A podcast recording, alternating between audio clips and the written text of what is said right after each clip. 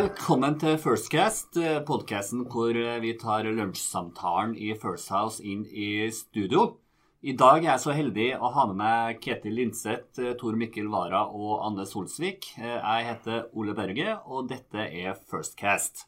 Anne, det har vært en politisk eh, interessant høst. Eh, budsjettforliket mellom de fire borgerlige partiene kom i havn i går. Hva tenker Venstre nå? Skal man inn i regjering? Det tror jeg vi må vente litt lenger før vi finner ut av. Jeg tror nok eh, Venstre er ganske godt fornøyd med det budsjettet, og at det gikk for seg på en såpass mye mer eh, rolig og litt mer forutsigbar måte enn det man har eh, hatt tidligere. Det er virkelig et stort skifte for Venstre å se at ja, analysere liksom situasjonen hvor det er KrF som virkelig liksom drar den eh, siste runden, eh, fremfor hvordan tradisjonen har vært, men samtidig opplever at man føler seg ganske komfortabel med akkurat det. Men om vi ser noe Venstre i regjering før jul, det har jeg liten tro på. Men hva som nyåret bringer, er noe mer åpent spørsmål akkurat nå. Ja, Tor Mikkel, hva tenker du? Er du like usikker på, på spørsmålet om Venstre skal inn i regjering som Anne? Vel, eh, jeg er bare usikker på tidslinja, egentlig. Jeg tror at Venstre skal inn i regjering. Det er noe med Politikken har noen sånne dynamikker med seg som handler om at hvis du ikke avviser noe, så blir det til slutt det du skal gjøre. Og Venstre har ikke avvist å gå i regjering, og alle snakker om det. Og når du snakker om det lenge nok, så blir det nesten selvoppfyllende. I hvert fall så blir det sånn at det Venstre da gjør, er å skape en fallhøyde. For hvis de ikke går inn i regjering, så blir alle skuffa. Og, og den fallhøyden skapes ikke fordi du sier du skal inn i regjering, men fordi du ikke nekter for at du skal inn i regjering. Og Sånn er politikken av og til. Du må være tydelig på å si nei hvis du ikke vil noe. Hvis ikke så tror alle at du vil det. Og nå har Venstre ikke sagt nei, så derfor tror vi at Venstre vil inn i regjering. Og Erna Solberg har ikke sagt nei, derfor tror vi det også. Og Siv Jensen har ikke sagt nei, derfor tror vi det også. Hvis vi spoler litt tilbake til valgkampen, så var jo eh, tidlig i valgkampen, før Venstre avklarte at det var liksom Erna som var helt, eh, helt bankers å gå for uansett, så var det jo litt flørting mellom Arbeiderpartiet Jonas og Venstre. Altså i hvert fall enveisflørting fra Jonas' side.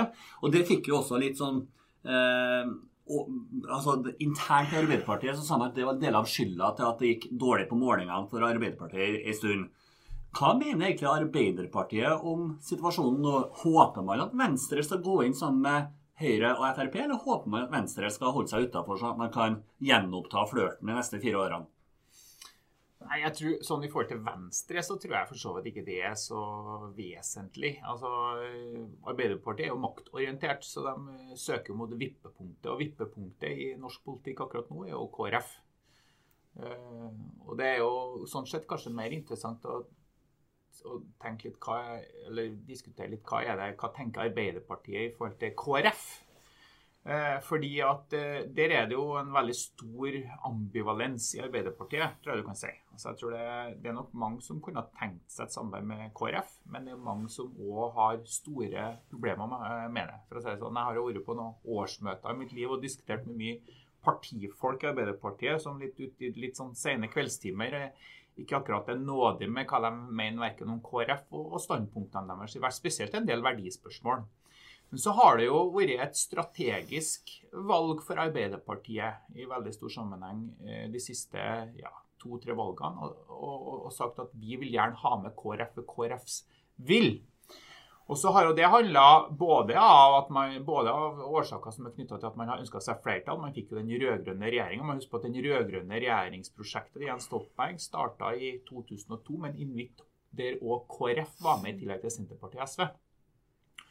Men, men, det var nok ikke bare kun et ønske om å ha med KrF i regjering. Det var jo òg for å gjøre livet litt vanskelig for KrF. Sant? Fordi at Arbeiderpartiet leser de samme målingene som partiledelsen til, til KrF gjør. At, nemlig at det er sikkert halvparten av velgerne i KrF vil til Arbeiderpartiet, og halvparten vil inn i den borgerlige fløyen. Kanskje litt mer etter hvert til den borgerlige fløya, for jeg tror de, de som vil til Arbeiderpartiet, de har ramla allerede.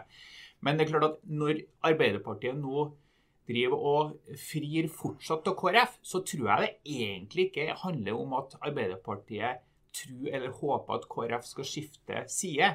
Jeg tror det handler mest om å plage eh, KrF og KrFs velgere mest mulig. Se her hva vi kunne ha fått hvis dere, eller hva dere kunne ha fått hvis dere samarbeider med oss.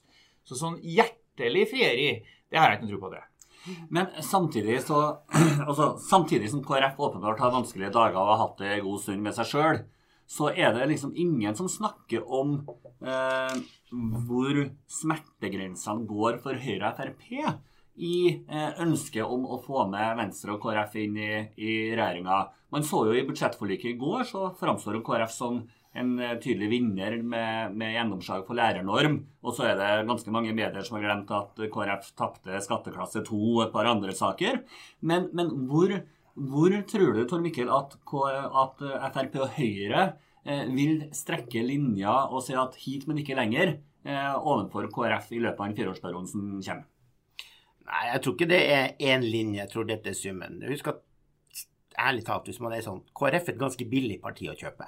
Eh, det er små symbolsaker, så det koster ikke mye. Så Det som betyr noe for Siv og Erna, er jo de store økonomiske linjene nå.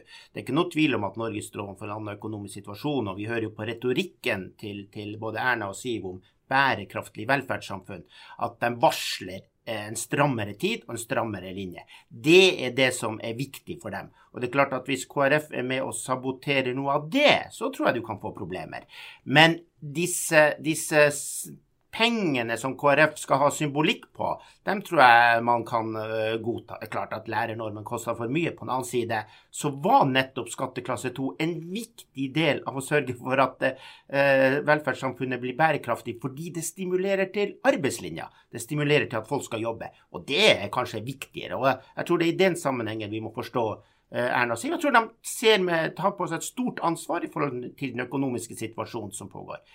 Eller så er det sånn at for Frp så er nok smertelinja et eller annet sted på, på asylpolitikken. Men, men, jeg tror vi er et godt stykke unna det. Mm. Men Anne, du eh, er jo inne på, eller Tore Mikkel er inne på noe interessant eh, rundt, rundt, bærekraften i velferdssamfunnet og, og KrFs eh, holdning til skatteklasse 2 osv. Men det som er litt artig å se, syns jeg, eller artig å se, interessant å se, er jo at dette eh, tohoda eh, samarbeidet som Venstre og KrF var i de fire årene som har gått, ser ut til å være litt mindre forpliktende for de to nå. Jeg tenker på at Venstre på en måte kanskje eh, denne gangen var mye eh, nærmere å inngå en budsjettenighet tidligere enn KrF, sånn som du var inne på i første, eh, første svaret ditt. Eh, hvordan tror du forholdet mellom KrF og Venstre utvikler seg hvis Venstre går inn i regjering og KrF blir stående på utsida? Jeg tror at eh, de har tatt det, altså de har skilt lag. Eh, kanskje litt mer overraskende på deler av både egne partier og, og andre eh, i etterkant av valget enn det man egentlig klarte å lese ut av de mandatene landsmøtene ga de to forskjellige partiene. Eh, jeg tror vi vil se et eh, Det er jo der mye taler for at Venstre på en måte er i retning av å gå i regjering. Eh, både regjeringspartiene ønsker å gi det rommet inntil videre nå for å se hvor langt vil, vil Venstre gå. Det er litt en del av det samme som Tom Mikkel var inne på nå. Det å få med seg Venstre nå så må man heller se hvordan man står i en felles eh, front i, de neste, neste, rundene som kommer. Men jeg tror at uh, her er jo et, eh, et, Venstre og KrF som ser seg sjøl eh, i to veldig forskjellige eh, situasjoner, hvor Venstre sitt eh, behov for å få utøvd politikk og få gjennomført mer de lange linjene er det som virkelig begynner å presse seg på fra innsiden, mens der hvor KrF i større grad har behov for disse mer enkeltsakene og, og det å finne den neste profilsaken sin, som de fortsatt er veldig på jakt etter etter kontantstøtten, liksom ikke har hatt det samme grepet om, om velgerne lenger. Mm. Altså på borgerlig side så har vi jo denne på en måte spenninga knytta til hvordan det utvikler seg. Men det er jo litt spennende på rød-grønn side òg, for å kalle det Ketil. Og så visst at eh, sånn som Trond Giske og ledelsen av Arbeiderpartiet gjør noe med å fri veldig til KrF og si at dere kunne ha fått så mye mer sammen med oss, kan det provosere en del eh, La oss kalle det mulige samarbeidspartier til venstre for Arbeiderpartiet. Som SV og Miljøpartiet, som i hvert fall eh, tradisjonelt sett har enda mer imot KrFs konservative verdilinje enn hva Arbeiderpartiet har? Nei, jeg tror ikke det provoserer. Ikke sånn som situasjonen er nå. Eh, men jeg tror at hvis du skulle tenkt deg at KrF og SV skulle gått inn i samme regjering, det tror jeg har vært et krevende prosjekt. Det har vært litt sånn venstre Det, må, det har krevd litt modig. Men, men betyr ikke at, at det er noen som spekulerer i at det borgerlige samarbeidet ikke vil vare i fire år? Men det blir jo vanskelig for Jonas å ta over i løpet av den fireårsperioden med et parlamentarisk grunnlag som både spenner til venstre med SV og til høyre helt ut til KrF. Tror du det helt at det er mulig for Jonas å overta i løpet av fireårsperioden? Nei, jeg tror eh, Erna er dømt til å regjere i fire år på et eller annet vis. Eh, Ikke verste dommen man kan få det, da. Nei, for Erna sin del så er jo ikke det. Men, men det er jo ikke sikkert hun vil eh, regjere. Så det, jeg tror Erna Solberg er jo en person, eller en statsminister, tror jeg, i hvert fall beskriver de det folk som kjenner henne, som er rimelig tydelig på at hun vil ha forutsigbarhet i i, i, det hun gjør. Og det så du litt nå. Hun ga jo KrF ganske mye tror jeg, for å få dem innafor. Hun ønsker fire år med forutsigbarhet, og hun syns de fire årene som var gått, var veldig ålreit eh, og bra. Og, og, og, stemmer veldig med hennes måte å tenke på i forhold til politikk. Eh, og så blir det jo et tror jeg det blir liksom en, en, en utfordring da blir jo for hun da, det er jo selvfølgelig hva gjør KrF, og hvordan opptrer dem. Men jeg tror det går en grense for Erna Solberg for hva KrF kan tillate seg å gjøre i den fireårsperioden her, før KrF må gjøre også et valg. For det er jo ikke bare sånn at KrF kan sitte og ta imot og ta imot og ta imot, eller kreve og kreve og kreve. og kreve. Eh, og, og, og, sånn sett så, eh, så, tror jeg det er interessant. For jeg tror at for Jonas og Arbeiderpartiet å stable på beina et flertall med SV og Senterpartiet og eh, KrF, eh, det er et fryktelig fryktelig krevende prosjekt. I hvert fall gitt sånn som forholdene er internt i Arbeiderpartiet akkurat nå. Der jeg tror man har nok med å finne seg sjæl og finne ut hva man skal faktisk øh, altså De har selv sagt hva slags historie de skal fortelle til velgerne øh, de neste åra. Altså, jeg, tenker at Når KrF har sagt rett etter valget at de ikke ønsker en avtale, sånn som de hadde på Nydalen-erklæringen sist, så er det jo en åpning for at her kan man da samarbeide med Arbeiderpartiet. og det, det er jo en, som, som, selvfølgelig en invitasjon som Jonas er nødt til å gripe fatt i. For han har jo også en plikt til å prøve å påføre denne regjeringen nederlag. Det er en opposisjonslederplikt. Men, men den store utfordringen for Erna i balansegangen tror jeg kanskje blir, hvis vi skal ikke se bort fra at det blir når Venstre kommer i regjering og forlanger noe KrF ikke vil ha. Uh, og det glemmer vi. Dette er den store splittelsen som kan gjøre. Frp og Høyre kan være ganske pragmatiske og gi KrF noe, men her er jo en del ting som kunne vært nyttig økonomisk å gjøre med altså skatteklasse 2. Men la oss ta kontantstøtten, da. Uh, som, som, Venstre er imot, og KrF er for. Og som Arbeiderpartiet også er imot.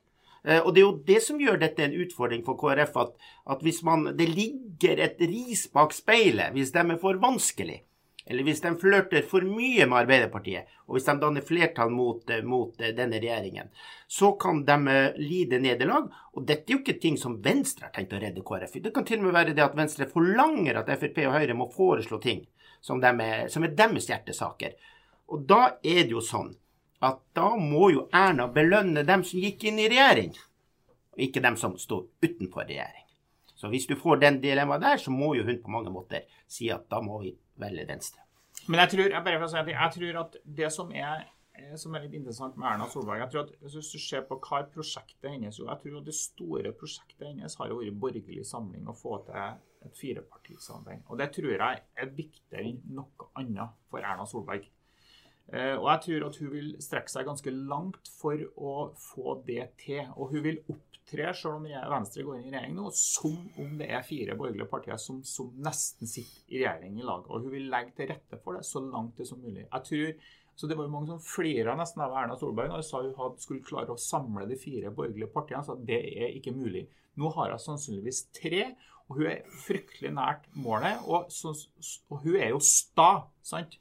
Jeg tror jo det vil prege denne, de første årene av det nye Stortinget nå, med, med, i hennes regjeringsprosjekt. Det er at hun vil gjøre å gå fryktelig langt for å få KrF over den siste meteren for å få til det som jeg tror er hennes virkelig store prosjekt, som på mange måter skal sette spor etter det, nemlig eh, borgerlig samling. Da har hun fått til noe som, som uh, hun uh, har jobba med siden hun ble partileder. Men en annen X-faktor i, i, den kommende fireårsperioden er jo den rundingsbøyen av et eh, lokalvalg i 2019. Eh, og vi vet jo alle sammen at dynamikken endrer seg litt eh, ut ifra hvordan valget faktisk går for de fire borgerlige partiene. Tor Mikkel, du, hva tenker du hvis Frp gjør et veldig godt eller et dårlig valg, og hvis de andre partiene går veldig opp eller ned? Hvordan kan den dynamikken spille inn på om KrF kanskje går inn eller ikke inn, hvis de ikke har gått inn før eh, lokalvalget? Jeg tror nok at uh, med mindre det skjer veldig dramatiske ting, så er dette mest viktig for Venstre og for KrF. Eh, fordi at det er dem som på mange måter får en dom midtveis i, i løpet. Eh, eh, så er det jo veldig sånn interessant også det at vi har et par store byer som man tapte sist. Og det er klart at hvis de blir borgerlige igjen, Oslo og Bergen, så vil det uansett være en seier for, for, for uh, alle de borgerlige, selv om uavhengig av, av, av, av rundingsbøyer og prosentoppslutning. Men spørsmålet er, er, kanskje også viktig der for, for Jonas. For her er jo hans andre sant? Hvis han gjør et dårlig valg og taper Oslo-Bergen, så blir jo det på mange måter et dårlig utgangspunkt for å drive valgkamp to år senere, når det neste stortingsvalget. Sånn at eh, Det er jo ikke sånn at Arbeiderpartiet noen gang vil kaste Jonas, men det er jo et spørsmål om hvor lenge han orker å holde på hvis han går på nederlag etter nederlag.